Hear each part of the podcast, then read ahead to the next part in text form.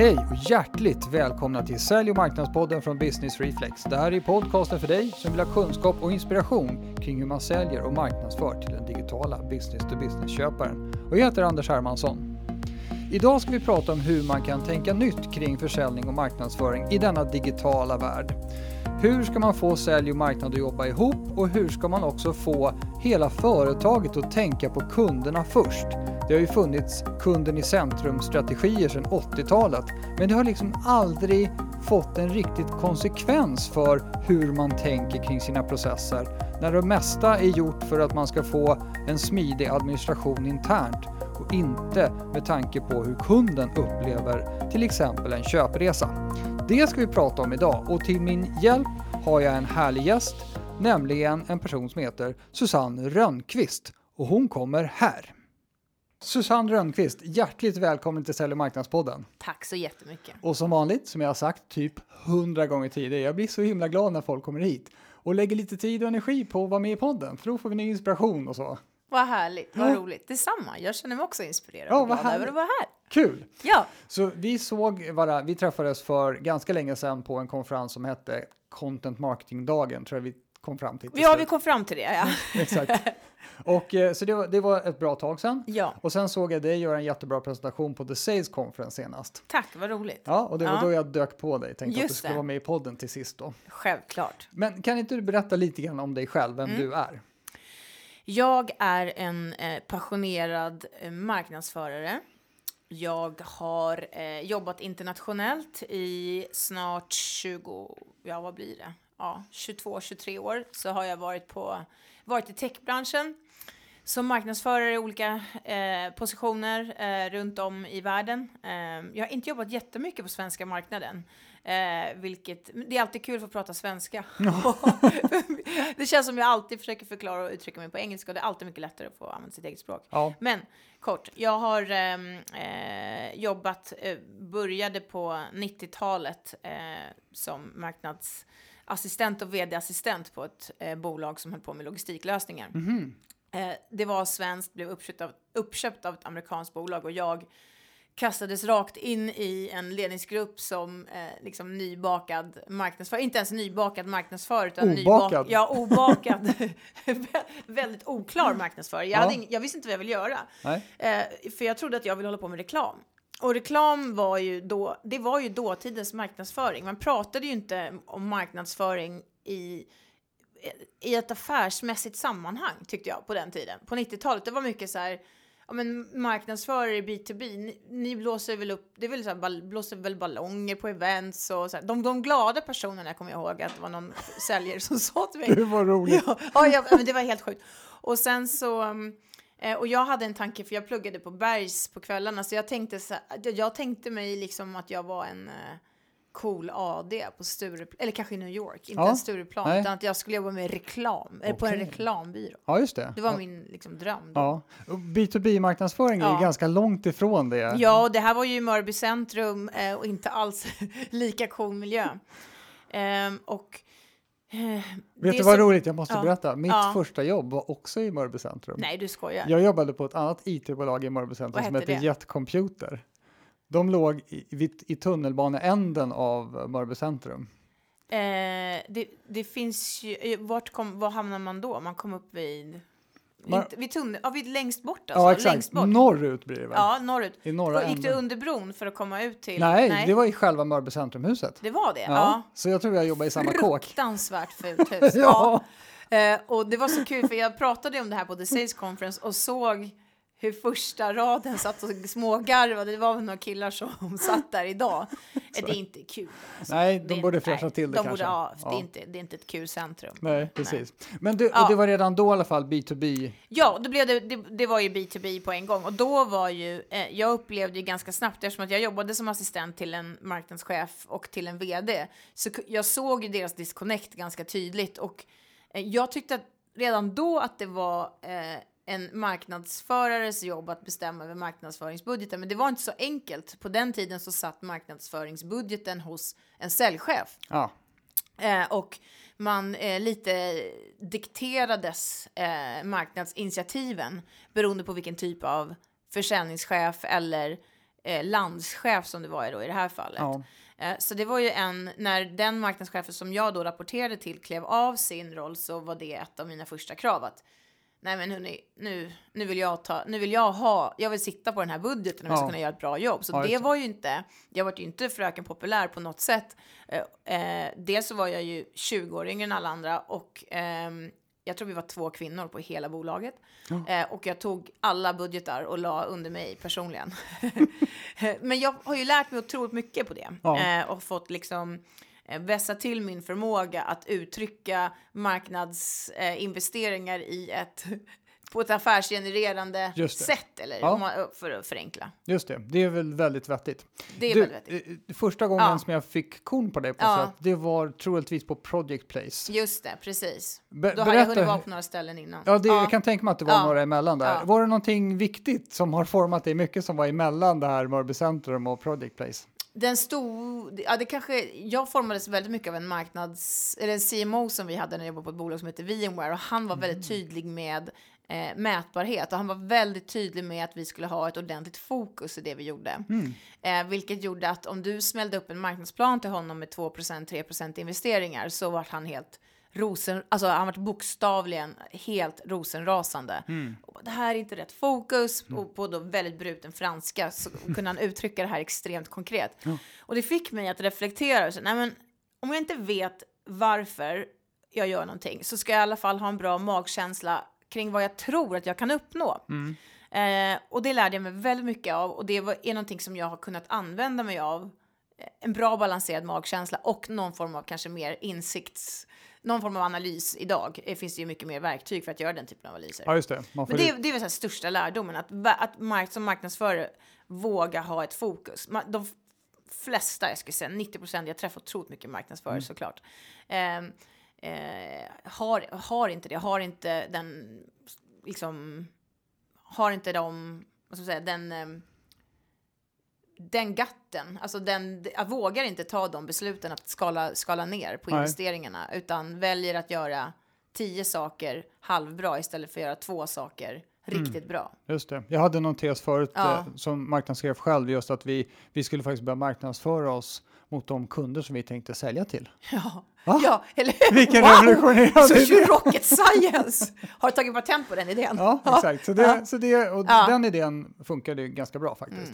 Mm, Ja, ja, vad intressant. För sen så, det, det som jag kommer ihåg nu Ja. eh, om Project Place, det var att ni gjorde liksom en contentresa där. Extremt stor Var det contentresa. första gången som du började med det eller hade du gjort det innan också? Nej, jag har jobbat med content hela livet. D- min- eh, kanske lite mer tafatta försök på 90-talet. Mm, Då paketerades ju content på ett annat sätt. Eh, men principen var ju samma. Vi ville ju nå ut med någon form av insikt som vi satt på som bolag. Men att den var ju lite mer produktorienterad än värdeorienterad. Eh, vilket då kändes rätt när det kanske var färre aktörer på en marknad. Eh, säljaren eh, eller bolaget var mer kung än vad, vi, det är idag.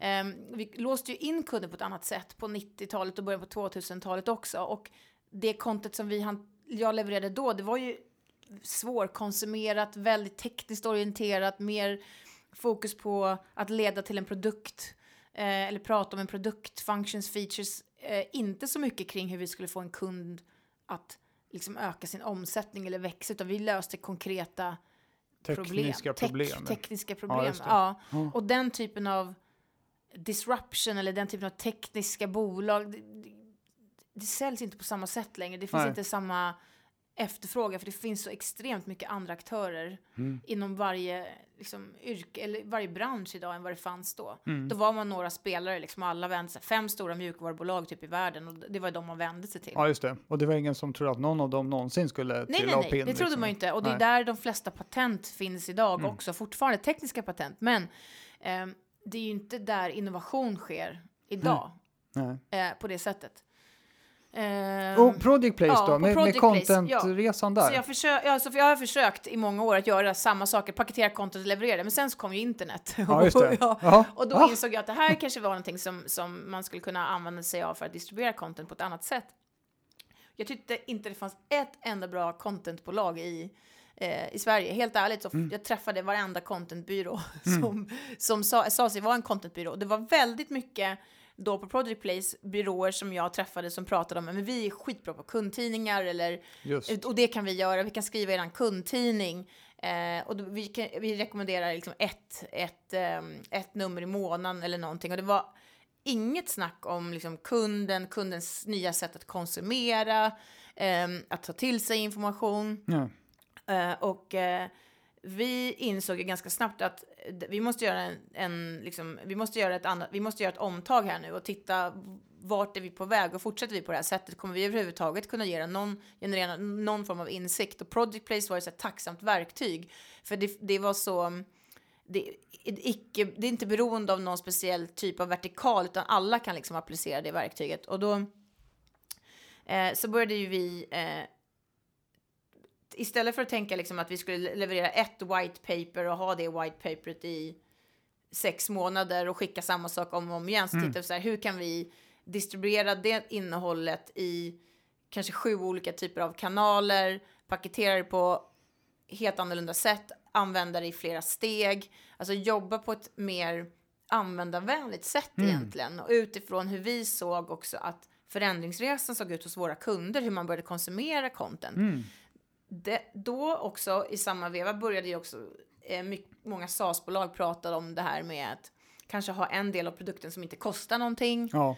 Ehm, det var ju som att svära i kyrkan på ett sånt bolag. SaaS-bolagen började ju nosa på det då, men det, det var ju väldigt, våran grundare och alla som satt i ledningsgruppen var ju i princip helt emot det förslaget som vi hade, jag och en kollega till, att ska vi inte bryta ut en del av vår produkt och liksom se det som en content piece, som en marknadsförings ehm, Just alltså våran egen produkt. Ja. Så det var en så jäkla, ursäkta att jag svär, rolig resa att Ja. få vara med och ta fram dels den här delen av vår produkt som vi kunde bryta ut och tillhandahålla gratis. Det, är ju, det är ju, fick ju dra igång världens contentmaskineri Mm. utifrån en sån produkt och du får ju användare. Även om de inte betalar från början så är ju det förhoppningen. Ja, gud ja. Ja. Och jag tycker det är jättehäftigt det du säger, Ja. just att gränsen mellan content och produkt suddas ut. Helt. För det är ju Ja. ett erbjudande om någon sorts värdefull grej som man kommer med till ja, folk. Exakt.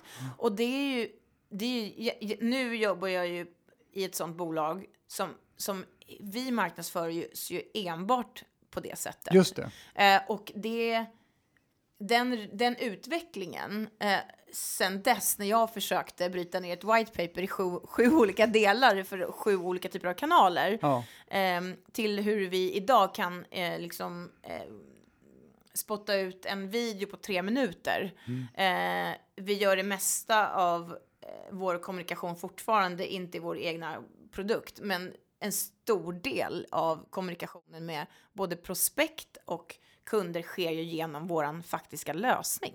Så det är ju ett helt annat sätt att tänka. Ja. Ehm, Man, behöver, man behöver, just det, content och den här strategin, kommunikationsstrategin måste liksom in i produktutvecklingen. Helt. Ja. helt in i produktutvecklingen. Och det skapar ju också, det blir en annan dynamik i en verksamhet också, för du har ju mm, så många fler människor i ett, ehm, speciellt i ett SaaS-bolag som är intresserade av att börja kommunicera med kunden. Ja. Och förut var ju det, på 90-talet och in på 2000-talet och fram till för bara några år sedan så var ju det väldigt uppdelat. Och man, jag tycker fortfarande det är mycket diskussion, så vem äger, diskussion, vem äger dialogen med kunden? Ja. Ska det sitta i, hos marknad bara eller är det hos sälj eller ska det vara... Nu är det ju så här produkt, services, marknad. Alla äger någon form av kunddialog. Ja. Och det gäller att ett, se utifrån vad kunden, hur kunden vill kommunicera Mm. mer än hur vi, det är egentligen helt ointressant f- hur vi som bolag vill kommunicera utan det är mer intressant vad hur kunden vill kommunicera med oss. Vilken kanal de vill kommunicera på hur de vill konsumera content. Det får ju de bestämma. Ja. Hur, hur har det funkat? För att jag, jag kan säga att Ja. det blir så trist poddavsnitt om jag Ja. bara håller med dig, bara för att jag, jag, håller, jag håller med dig. Men jag tänker också lite Ja. grann på utmaningarna med det här. Det finns kanske människor som kan men inte vill kommunicera. Det finns människor som vill men inte kan kommunicera. Hur, Mm. hur, hur ska man jobba med, med det här som vi tycker är självklarheten för att få det faktiskt att hända? Mm.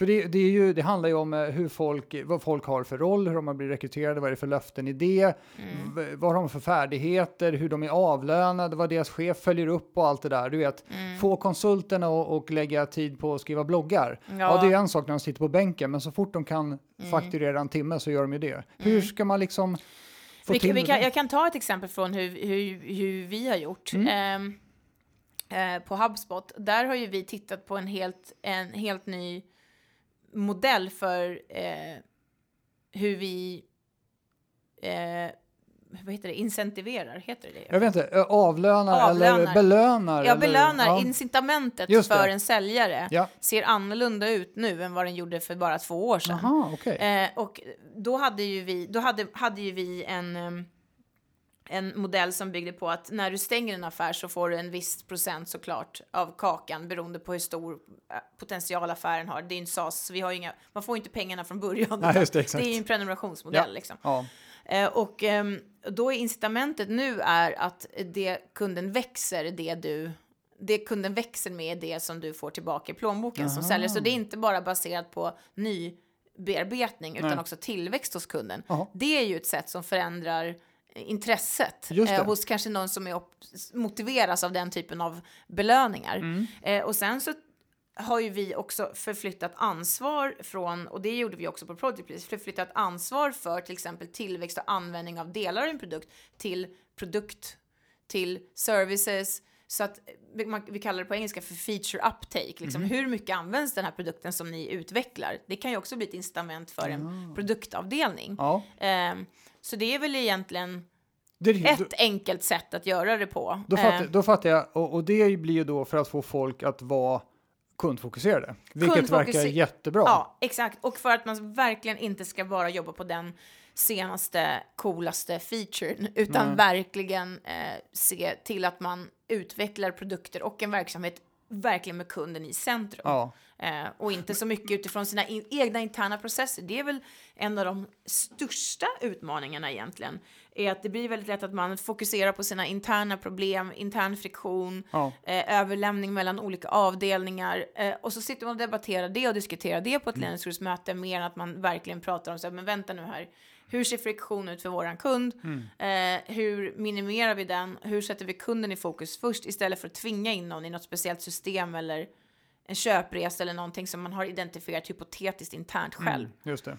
Men, men jag tänker på den, Ja. den kommunikativa sidan Ja. då. Vad, vad, om det nu blir, eh, man tänker att man har ett jobb och min erfarenhet av det här med content och det, Ja. att skapa innehåll och försöka egentligen kommersialisera sin kompetens på ytterligare ett sätt. Mm. Det handlar ju om att då blir det liksom, ja du ska göra ditt jobb och dessutom det här. Mm. Har, har du några tankar eller erfarenheter kring hur man får till det så att säga?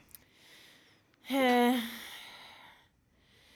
alltså det vi jobbade, ja, vi, ha, vi försökte ju driva igenom, inte i samma skala, men gjorde ju liknande typer av initiativ när jag jobbade på Klarna. Mm. Eh, och då försökte vi, precis som du säger, så här, men vänta nu, vilka är det som sitter på den absolut mest specialiserade kompetensen kring betalnings checkouts, säger vi. Ja. Ja, det är herre A. Mm. Hur får vi herre A att uttrycka det här i en blogg? Mm. Och det fick vi ju inte. Nej. Det, Det var inte, jättesvårt. Nej, det var supersvårt. Mm. Så då får man ju hitta andra sätt att få ur den här informationen eller få den här dialogen som kanske inte kräver att herre A skriver texten själv. Nej. Så vi gjorde ju jättemycket sådana projekt där vi intervjuade internt och vi hade de som skriver och de som producerar content eh, att jobba med direkt med personer som sitter internt på Mm. insikter som man inte kan hitta på själv eller lista ut själv eller ta in en contentbyrå för att producera. Ja, just det, för det blir ju i regel lite fluffigare på Eller, toppen. ja, exakt. Och, Mm. det, och ehm, det här är ju ett paradigmskifte. Mm. Ehm, just det här med att ägarskapet för den kommunikativa delen i en verksamhet ägs, det blir liksom förflyttade utifrån en marknadsavdelning till flera olika. Just och det, det. blir, det finns ju massa risker med det också. Ja. Såklart. Det Ja. finns ju, det kan, vilket finns ju, vi- jag menar vi har haft det problem på HubSpot också. Det kan ju Mm. språla iväg och massa härliga initiativ som tas som man kanske inte alls tycker känns rätt när man läser Nej, efter, fan ska jag, men Det är inte... Hellre det tror jag, Hell- än du, att man ja. har tre stationer där allting ska Ja, godkännas. ja, exakt. Och Mm, störst, absolut största utmaningen är att man aldrig kommer igång. just det. Man står och funderar ut hur det ska gå till mer än att börja testa och köra bara. Ja. Och de här, den här tiden man lägger på att fundera hur det ska funka Mm. kan man ju använda sig av att testa istället. Mycket bra, det tycker jag också. Ja, Nu höll jag med dig igen då, men jag Ja. kan inte låta bli. Du, du sa det här på Sales Conference. marknadsförare båda två. Exakt. Vi står här hand i hand Inte och så, bara... ja, ja, lalala. exakt. På samma sida. Ja. Ja. Eh, du, du sa ju på The Sales Conference att tratten är trasig. Ja. Vad menar du med det? Det finns, det finns väldigt många sprickor i en tratt. Dels är den ju helt intern, säger ju ingenting om någonting eh, i ett kundbeteende. Eh, och ehm, den är helt linjär. Med, kunden ploppar ut om man har tur på slutet, som ett utropstecken Ja. ungefär. Eh, och det finns ingen kund som beter sig så. Eh, det finns ingen kundresa. Alla har, eller ingen unik, eller vad ska jag säga, det finns ingen generell kundresa. Ja. Alla är unika. Ja, Eh, vilket gör att det blir en, ett, det är en, en helt intern modell som har nästan blivit extern, vilket är livsfarligt. Mm. Därför det som händer då, det är att man sitter och tittar på konverteringsstrategier mellan olika flöden och stopp och handovers som inte säger någonting om upplevelsen för din kund. Mm. Ehm, och det är, det är mycket hypoteser, så här, är 0,7 procent konvertering bra? Mm. Nej, jag vet inte. Ska det vara 1,7 eller 2,7? Och den frågan får ju som marknadsförare tusen gånger. vad är bra ja. Ja, vad är bra? Hur, Mm. Ursäkta, nu höll jag på att svära igen, men hur ska jag veta det? Mm. Eh, jag, vet, jag vet inte. Mål, det beror ju på vad man sätter för målsättning och vad man har för ambitionsnivå. Ehm, och det, det, så det är det första, liksom, att Ja. kunden är en, en avkastning på en mo, intern modell. Ehm, det är det första. Det andra är ju att eh, i, idag eh, när vi lever i en värld där förtroende är en sån extremt stor bristvara. Eh, vi litar inte på marknadsförare riktigt. Vi litar inte på, absolut inte på säljare. Vi, Nej. vår förtroendegrad är liksom lägre än en baristas. Alltså du förstår, du förstår ju vad, vad som har hänt. Det, det har ju sjunk, sjunkit radikalt Ja. från, från liksom den tiden då säljaren var, var kung. Ehm, och med det så eh, tittar väldigt få bolag, upplever jag idag, på eh, tillväxt genom sin kund. Eh, när det egentligen kanske är den bästa säljaren. Eh, det kanske är den bästa marknadsföraren. Och Okej. istället fastnar man liksom med att hela tiden på fylla på i den här fannen uppifrån toppen med nytt, nytt, nytt, nytt, nytt, nytt, nytt, nytt och sen blir det en kund och så börjar man om igen. Men jag har ju stått på eh, events, eh, interna events och ritat upp en funnel och sen har jag gjort en upp och nervänd funnel under det. För att jag började liksom tänka så här, men vi missar ju, så här, vem, vem är det som äger ansvaret för att få kunden att växa? Ska jag bara släppa? Ska jag bara släppa kunden nu när den har blivit vår kund? Det gjorde jag, jobbade jag jättemycket med att implementera på, på Project Place. Mm. Så här, hörni, vänta lite, vi måste ha någon som, om inte vi ska ta det här ansvaret, då måste vi ha någon som direkt fångar upp och får kunden att växa. Just det. Eh, och som har det som ett incitament och en drivkraft i sin roll. Ja. Ehm, och då hamnade det på marknaden. Det var ju jäkligt kul. Ja. För då, då fick vi, då, jag ritade redan då, liksom, för fem år sedan, den här cirkeln. Eh, fast som en tratt först och sen en upp och nervänd tratt. Ja. Så det här är två stora sprickor. Det är att kunden är en avkastning på slutet Ja. och att kunden inte ses som en tillväxtkanal. Eh. Mm. Och frågar du, ehm, frågar du en marknadschef idag vilken deras bästa kanal är, då säger de ju aldrig kund, alltså 99% säger aldrig kunden, för Ja, de tänker inte, ens det. så. Nej. Utan det blir så här, ja men det är ju, det är ju, det är ju, ehm, det måste ju vara, det, det tror jag är våra sociala, våran webb, ja, sociala medier. Mm. Eh, och frågar du en försäljningschef eller en vd, då börjar de tänka, vilken är min bästa säljare? Ja. Ehm, Mm. eh, in, väldigt få svarar kunden. ja. Men ju, ju mindre bolag man kommer på, desto fler svarar kunden. Ja. Eh, om träffar jag en Träffar jag en byrå idag Mm. och frågar så här, hur växer ni? Det är mest på liksom referens. Mm. Eh, eller om jag, om, det är bara att se på dig och mig, hur vi konsumerar Mm. Idag. Ja. Du vill inte gå och träna till en PT som, som du vill ju kolla runt, är det någon annan som har tränat med honom Ja, eller henne? Eh, eh, hur bra är, är personen i fråga? Kan någon verifiera det här? mig? Du vill ju inte höra PTn säga det till dig. Nej. Helst. Du Nej. vill ju höra det också, men du vill ju framförallt att det ska kunna styrkas av någonting. Mm. Så i den, i den typen av värld vi lever idag Mm. så litar vi inte. Vi, vi, vi håller dem vi litar på liksom, nära och vi, vi ehm, Men, väljer du, tro på det mer. Liksom. kan man inte använda Ja. tratten trots allt då, som en, in, en internt redskap för att- strukturera Absolut. upp vad man ja, tror? ja, ja, ja, det kan man göra. Det blir hypoteser, men det är ju bra det också. Men inte som en beskrivning av köpresan Nej, såklart. nej. Men du, så att köpres, alla köpresor är individuella. Mm. Eh, hur ska man se Ska man liksom... Ska man eh, kapitulera inför det och bara säga ja, ja, det blir, vi ska nog försöka vara till för alla överallt i vilken fall som... Eller hur, hur ska man se på det? då? För Mm. att köpresan har ju varit, inte vet om det är en snuttefilt, men det är någonting att hålla i som känns väldigt kundorienterat i alla fall. Oh, vi måste tänka på hur de köper och så ska Mm. vi modellera oss efter det och sånt där. Men du säger att den köpresan finns egentligen inte. Hur ska man Nej, det- göra då? Ja, liksom? precis. Och det, eh, superbra fråga och extremt relevant. Jag har gjort analyser på köpresor, tog 200 kunder Mm. eh, och försökte titta på så här, exakt hur blev de kund. Eh, och det är klart man kan se generella drag, att mm, vi, sö vi, vi söker kanske först på informationen. Eh, ska vi upphandla en SaaS-lösning, ja, men då tittar vi kanske på Techcrunch, vad har de skrivit om det här? G2 Crowd, vart, hur jämför det, jämförs den här produkten mot andra eh, och så vidare. Eh, så det finns ju gemensamma nämnare, men det finns ju inte eh, liksom en generell köpresa som ser exakt ut. Och jag Nej. tror man ska försöka hitta de gemensamma nämnarna, optimera dem. Ehm, det är det enda sättet. Ja. Eh, jag tror att allt annat blir väldigt mycket teori och väldigt lite praktiskt. Just det. Ehm, men också om man hittar gemensamma nämnare, vilken gemensam nämnare fungerar bäst? Mm. Hur optimerar vi för den? Just det. Så det Eh. kanske är, det är, man får absolut inte tänka på köpresan som en sorts smal väg, utan den är väldigt bred då. då. Men så kanske det finns någon sorts stationer på vägen som det är troligtvis att alla på något sätt Ja, vi ska till i någon jäkla Precis. ordning. Precis, men vägen som vi tar ser olika Ja. ut, men vi kommer ju ha gemensamma beröringspunkter. Mm. Och det är ju de beröringspunkterna man verkligen vill kunna identifiera och optimera och göra så friktionsfria som möjligt. Just det. Eh, då tror jag man har en ganska vinnande ekvation. Ja. Ehm, jag tror att eh, man ska börja tidigt eh, och försöka identifiera de touchpoints man har. Mm. Eh, och sen göra dem så bra man bara kan. Nice. Du, Mm. min, eh, min egen lilla eh, Ja. spaning här, det är att på något sätt inträdesbiljetten Mm. är dyrare nu. Eh, Att man, det är så mycket brus. Eh, eh, när, vi, när vi startade Business Reflex för Ja. snart sju år sedan, Mm. då var det ungefär så här, ja men titta, vi lägger ut ett white paper här Ja, ja. och talar om det för någon. De bara, åh, ett white paper, vi laddar Gud ner det. kul! Ja, exakt. Nu är, är det så här, ja, trevligt, white paper nummer 304 idag. Ja.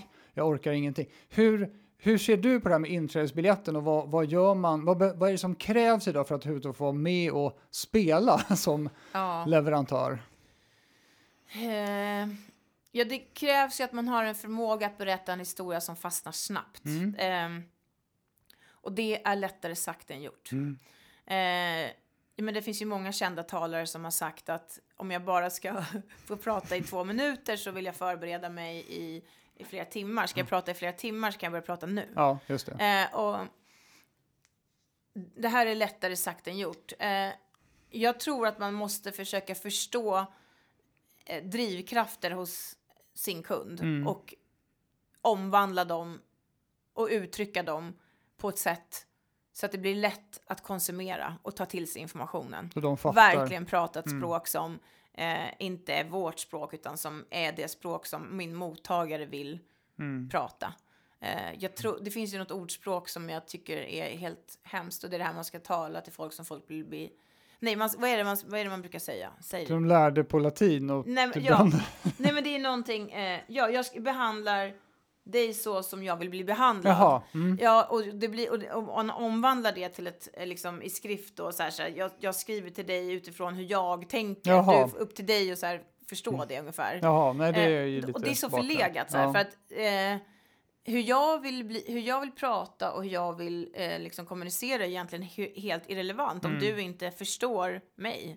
Jag tror, Så jag spelar det tror liksom det, ingen roll. Ja. det är nog expertens fälla. Ja. Att man vill visa sig på styva linan Ja, och så pratar man över huvudet på folk. ja. Du, i, i den här mixen, ehm, vi, håller på nu, vi har lite för länge hållit på med det, men vi håller på att skriva ett nytt white paper. en guide här som vi kallar för Från köpresa till värderesa. Eh, och där handlar det, precis som du säger, att om man tittar på köpet som Mm. slutmålet för någonting, då hamnar man fel redan från början. Mm. För då är alla incitament att man ska göra behovsanalyser för att få information. ja. Man ska ha, ha, ha, ha, ha, för att sen till slut kunna få, Få ordern. Ja. Och sen är man Fel. klar. Ja, Så värderesan är någonting som är mycket mer dynamiskt där man ska leverera värde hela vägen i många, många varv och det kommer att ske ett eller flera köp på vägen. Ja, och ja. det är bara en av transaktionerna. Det är den transaktionen där det råkar vara så att pengar byter ägare. Ja. Men i alla andra små transaktioner då är det andra saker. Det kan vara en e-mailadress för ett white paper eller det kan vara två minuters uppmärksamhet för en bloggpost. Man försöker tänka kring det då. Mm. Så där har vi, och då tänker jag så här, för att man överhuvudtaget ska börja bry sig om någonting så är Mm. varumärket viktigare än någonsin inom business to business. Mm. Vad är din take på det här med varumärkesbygge inom business to business? För det har ju Mm. varit liksom lite så här, ja ja. Har du några tankar kring ja det? alltså det är... Eh, min devis är att varumärket, det bygger vi genom att addera ett värde innan vi extraherar ett värde, det som du beskriver, det här Mm. värdebaserade och värdeadderande liksom resorna. Vi, vi går ju, det, det, det företag som jag jobbar på idag, vi Mm. går ju till marknaden enbart i en sån modell. Där vi säkerställer att vi kan leverera någonting innan vi överhuvudtaget pratar om någon produkt, innan vi extraherar den minsta lilla, eh, du vet, kronan Ja, från just dig som, som kund. Och det Ja, innebär det. att vi har en följarbas som är säkert tio gånger större än vår kundbas. Just det. Eh, och det har ju byggt, det bygger ju ett varumärke Mm. eh, som är extremt starkt och extremt trovärdigt. Mm. Det är ju det stora skiftet som sker nu.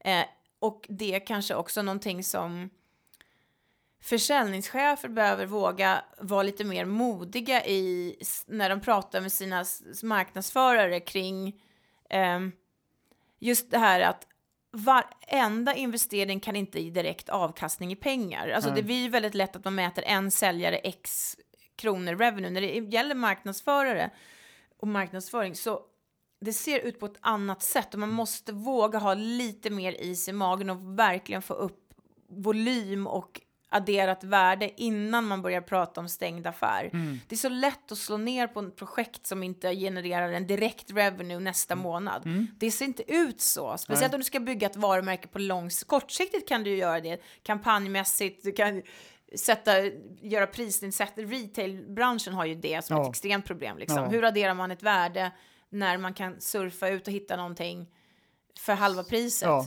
någon annanstans. Mm. Liksom. Du måste ju hela tiden jobba med ett värde, men det, det är mer konsumentinriktat. Men det är ju samma, samma resa är ju på väg. Det blir För- mer och mer likt på Ja, B2B också. och sen, och precis, och vi, jag pratar mycket om eh, experience disruptors, Mm. alltså eh, det här vi pratade om du och jag lite tidigare också, att tek, liksom, tek, tek, tekniken blir inte ny, men sättet vi förväntas eh, andra typer av upplevelser även inom B2B. Mm.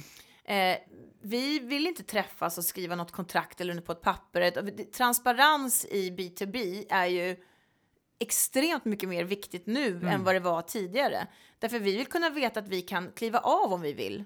Och vi kanske inte ens kliver på eh, liksom en relation eller vill ens köpa någonting om inte jag vet att jag kan cancellera det jag har köpt. Ja, just det. Eh, så det är ju ett stort paradigm och ett skifte man Mm. ser eh, inom, eh, inom B2B också. Jag menar, inom, som, som, som, som konsument kan du ju knappt tänka dig att handla på en sajt om du inte vet att du kan returnera din produkt. Nej, just det. Nej. Du kan inte tänka dig att handla om du inte vet exakt priset från början. Mm. Alla de här trenderna som vi ser på konsumentsidan, det här friktionsfria, det ska vara enkelt att enkelt att hitta produkten, enkelt att köpa, enkelt att returnera, enkelt att cancellera, enkelt att få tillbaka sina pengar. Mm. Precis samma förväntningar bygger vi upp som köpare av lösningar inom B2B. Just det. Och Och, sen- det är ju ett sätt att bygga ett varumärke mer kanske att man smackar på en, en, liksom, en emotionell kampanj på Ja, just någonstans. Mm. Ja, intressant. Och, och sen Ja. blir det ju bättre vi inom B2B blir på att paketera våra lösningar också. Ja. Och, och jag tänker att det, om det är någonting som vi drivs åt så är det ju att försöka paketera dem som konsumentprodukter. Absolut. Och då kommer ju resten av kravbilden också följa med naturligtvis. Mm. Du, du nämnde det här med att eh, försäljningschefer behöver ha lite Ja. is i magen kanske när man Ja. mäter marknad. För nu Ja. när allting inom marknadsföring är mätbart, då kan det i många fall vara så att man gör misstaget att mäta marknadsföring på exakt samma sätt som man mäter sälj. Ja, exakt. Och då blir det tokigt. Mm. Men du, eh, om vi skulle prata lite grann om det här med, som så många funderar över, Ja. det här med att få ihop marknad och sälj. Ja, mm. Eh, vad, vad har du för tankar kring det? Ehm, jag tror det, alltså det, för största, det mest fundamentala misstaget är att man inte mäts på samma sätt. Mm. Eh, du, och att det sitter kanske en marknadsavdelning och lite i hemlighet firar att man har nått något pipeline-mål. Eh, Medan man på sälj står på knäna för att man inte alls är i närheten av att sälja eh, det man skulle sälja en viss månad till exempel om vi tar en medelstor verksamhet. Så det är det första, det är att säkerställa att vi mäts på samma sätt. Vi mäts på, som marknadsförare mäts man på det som säljs. Mm. Inget annat. Nej. Det ska vara så enkelt tycker jag. Så man har massa grejer man gör innan naturligtvis affären Ja. blir till, men det är ju just Det är ju ett också. sätt att attribuera en investering Ja. till olika typer av eh, eh, liksom, eh, marknadsinvesteringar. Just det. Men s- problemet blir ju om man eh, firar ehm, någonting som inte genererar en fördel för affären. Och det, Mm. jag tror att det är mer i marknadsförarnas ansvar att, att kliva ur den comfort zonen Mm. och verkligen våga titta. Om det är försäljning man vill och de flesta har ju det som mål, mål med sin marknadsföring. Så, ehm, så tycker jag också att man ehm, ska våga ta det beslutet att allt annat som är någon slags vanity metrics eh, det kan man hålla inom gruppen Internt. för att se in, liksom intern progress eller programprogress och så vidare. Mm. Men ska man verkligen få alignment så måste man mätas på samma Mm. sätt. Jag, jag hade en föreläsning i Göteborg nu några år sedan. Ja, Men där var också, det var lite så här, det var ett gäng marknadsförare som, som satt och tyckte synd om sig själva. Och jag sa, men ta kvota då. ja, ja men exakt. Då får Ja. du vara med kring bordet på allvar. Men och du det, och måste det liksom... är det det handlar om. Ja, Ta kvota. Automatisera försäljning är också Ja. ganska spännande. ja, verkligen. verkligen. Det, då kan man ju prata om att kanske flytta det helt ut eller göra hybridavdelningar. Eh, marknadsförare blir säljare och säljare blir marknadsförare. Ja. Det blir liksom alltid ett. Så man har Key Account Manager på någon form av A-kunder, men Ja, B-kunder, där, där är det Helt automatiserat. nationellt Ja, automatiserad och ja, marknadsföring. ja. Det blir ju häftigt, då får man ett försäljningsansvar. Och jag lovar att då, hör- då hörs man lite mer också Ja. när man ställer krav. Ja, absolut. Och där, marknadsförare måste ju vara lite kaxigare där Ja. och ta plats. Liksom. Det är Men det inte, är läskigt. Det är skitläskigt. Men jag menar, titta på utvecklingen. Jag kan ju verkligen, alltså, har ju verkligen sett det här liksom, i 20 år, hur det har förflyttats. Ja. Eh, Jag, jag skulle ju skämmas Mm. om jag som CMO eller eh, marknadsansvarig satt och, och liksom poppa champagneflaskan för något pipeline-mål som aldrig konverterar till en affär. Nej. Så Mm. att våga vara lite eh, säker på att det man gör i slutändan kommer gener- generera något resultat. Att Ja. man har liksom, vi har exakt samma mål som eh, säljavdelningen. Mm.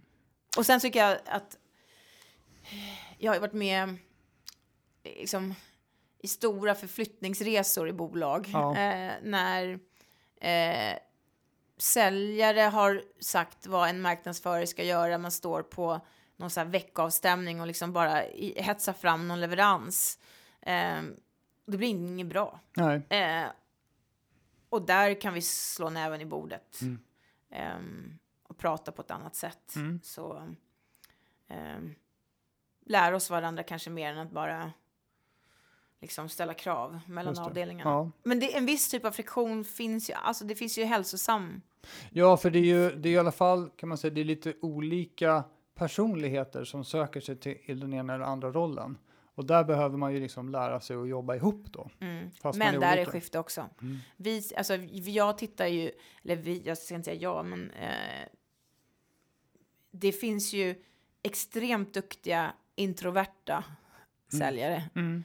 Eh, det finns ju personer som man, du vet på 90-talet pratar man om liksom det här uh, always be closing, Just eh, ABC. Eh, och jag har ju pratat mycket om det, men vi hade ju liksom kick-offer där vår VD körde någon Mupparna-video där de skrek sell, sell, sell, det. sell, Det är sell. han börjar lugnt va? Ja, han börjar lugnt och Jag sen har också skriker... sett Har den. du sett den? Ja, jag har varit Den- säljare och vi hade det på... Nej. Jo då. Oh my god. Ja, ja. det är helt sjukt. Men, och det, nu är det ju mer always be helping. Ja. Eh, och det är ju ett sätt att få ett ökat förtroendekapital. Till slut får du affären om du, om du har ett värde som du kan addera till Ja. den här kunden. Det är Ja. ju så enkelt. Du behöver inte Ingen vill ju bli såld till idag. Nej, verkligen inte. Nej. Och finns det alternativ till att bli såld på, då tar man ju dem. Det är klart man gör det. Ja.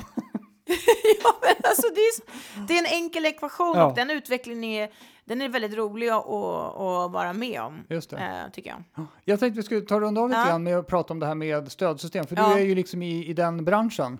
Och, och de här med, allting har blivit väldigt tekniskt, så det har Mm. blivit digitalt och allt det där och dragit med sig en massa roliga möjligheter. Mm. Hur ser du på framtiden för vad det är för typ av, hur den här verktygsfloran kommer utvecklas och ja, olika aspekter av det där? öppnare och öppnare plattformar, helt klart. Mm. Eh, med öppna API, integration mellan olika typer av bolag, eh, små lösningar mer än stora inlåsande system. Mm. Eh, plattformar som gör det enkelt att kliva ombord, enkelt att kliva av. Eh, användarvänligheten kommer stå i fokus hela tiden. Eh, det kommer bli lättare och lättare att göra det som, det som tog oss ett halvår att göra för tio år sedan gör vi på några minuter nu. Liksom. Mm. Det är den typen av utveckling jag tror vi ser. Ehm, Och, och det här med... mindre och mindre custom made, eh, Okej. enklare, plug and play. Ja, och, och det som, eh, som naturligtvis många funderar över och kanske vissa förfasar sig över det Ja. här med, med artificiell intelligens och sånt där. Ja, Om vi tittar på B2C-sidan, om man tittar på telekom och banking och retail, Ja. där datat bara öser in mm, eh, jämförelsevis. mm. Ser du att man kommer kunna använda sig av de där typen av tekniker även inom B2B, där datamängden kanske är något mindre? Till viss del, men jag vet ju inte något enda bolag som gör det här svinbra idag. Jag, kan, alltså det, jag har svårt att säga att det är ett exempel på Mm. Där, där, finns det verkligen ett bolag som har verkligen lyckats med sin AI? Ja. Nej, Det, jag tror att det är Ja. mycket experiment fortfarande. Jag. Supermycket experiment. Ja, förutom då så att säga eh, de, de, de största vi känner till. eh, Ja. Facebook och Google. Eh, och Ja, så, exakt. För, ja, exakt. Ja.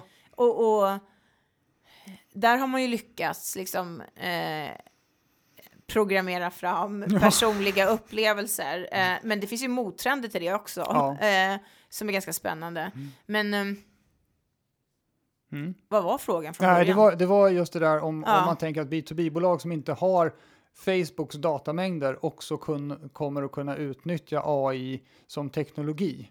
Och jag tänker, eh, det, det kanske är sådana Ja. som HubSpot till exempel, för totalt sett har ju Hubs- HubSpot superstor datamängd. Ja. Från alla som håller på med system naturligtvis, så kan man, då kanske man kan hjälpa till med intelligensen emellan där. Det tror jag också. Så Det finns, det finns du, mm, ja, precis. Mm. Vi ser ju mönster och kan ju paketera insikter kring dem. Mm. Men hur vi använder det är ju är svårare, tror jag. Men Mm. det är ju... Det är ganska lätt att se mönster. Det är svårt att veta exakt vad man ska göra med mönstren när man väl ser dem. Och Ja. det tycker jag har varit en utmaning eh, för mig också eh, genom det, det vi pratade om tidigare, det här köpresan. Alltså Ja. det, det är klart att det är lätt att se liksom beteendestruktur, mönster och sånt, men vad exakt ska jag agera, hur ska jag agera på den här för att det ska ha någon effekt? Just och, det. och, och, ehm, men det är klart, utvecklingen har gått snabbt hit, men den går ju 10 000 gånger snabbare nu. Ja, Så att Ja, det blir väl det. kommer, alltså, alltså, det är svårt att vara prediktiv på ett smart sätt, känner jag. Ja, ja just det. Det blir Ja. antagligen så att om du har massa data och Ja. så en analys, om åtgärderna du ska genomföra är manuella, då kommer du aldrig hinna med i alla fall. Så man behöver automatisera där- hela loopen. Liksom. Och det är där vi är nu. Liksom. Ja, precis. Det är ju det är mer spännande att titta på liksom läkeme läkemedel och liksom sjukvård. Där behövs det ju verkligen... Mm. Det, det känns som AI kommer explodera där på ett annat sätt. Ja. Du, Ja. eh, vi brukar avsluta podden med så här, ah, vad ska man göra nu då? Och jag Ja. tänker ett väldigt intressant område, Mm. det är ju det där med, med tratten och det här med värdeskapandet istället. Ja. Om man nu tänker som vd eller försäljningschef som man lyssnar på det Mm. här, "Åh, vi borde ju verkligen bli lite mer kundorienterade på det sättet. Vad skulle du föreslå är liksom den första aktiviteten man bör genomföra? Vad ska man göra först? ja. Eh, titta på två saker. Mm. Eh, var förlorar vi kunder? Om vi förlorar kunder. Mm. Och vad vinner vi kunder? Så man börjar... Två en, väldigt Ja. enkla delar. Vad är, eh, vad är kraften in i din organisation? Det vill säga, vad, vart, ehm, hur kommer det sig att din kund tagit beslut att bli din kund? Mm. Eh, när du förlorar kunder, vad beror det på? Mm, Det är ju extremt mycket mer kostsamt att generera en ny kund just det, en Eh, än att behålla en och få den kunden att växa. Mm. Eh, så jag skulle titta på de två sakerna först. Göra det superenkelt. Ehm, och sen börja från det. Och sen bryta ner det. Ja, okej. Så då ta reda på varför de kommer till dig, varför de lämnar och utifrån den erfarenheten, den analysen, så börjar man tänka på hur man skulle bete sig annorlunda. Skrämmande få som vet kan jag säga. Ja, just det. Ja, oj, men det är, det är, så två fundamentala frågor som Ja. en vd måste ha koll på idag. Jag menar, du träffar ju vd och, och försäljningschefer hela tiden. Men ställer man frågan så det finns väldigt få som kan direkt svara så här, vi, det är det här som gör att vi förlorar kunder.